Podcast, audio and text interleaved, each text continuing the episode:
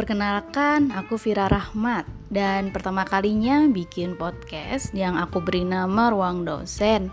Kenapa Ruang Dosen? Karena saat ini aku berprofesi sebagai dosen di salah satu universitas swasta di Malang. Nah, kali ini di dalam podcast ini aku juga akan membahas mengenai perkuliahan, mengenai mahasiswa ataupun dunia perdosenan. Jadi, semoga bermanfaat bagi teman-teman yang mendengarkan podcast ini.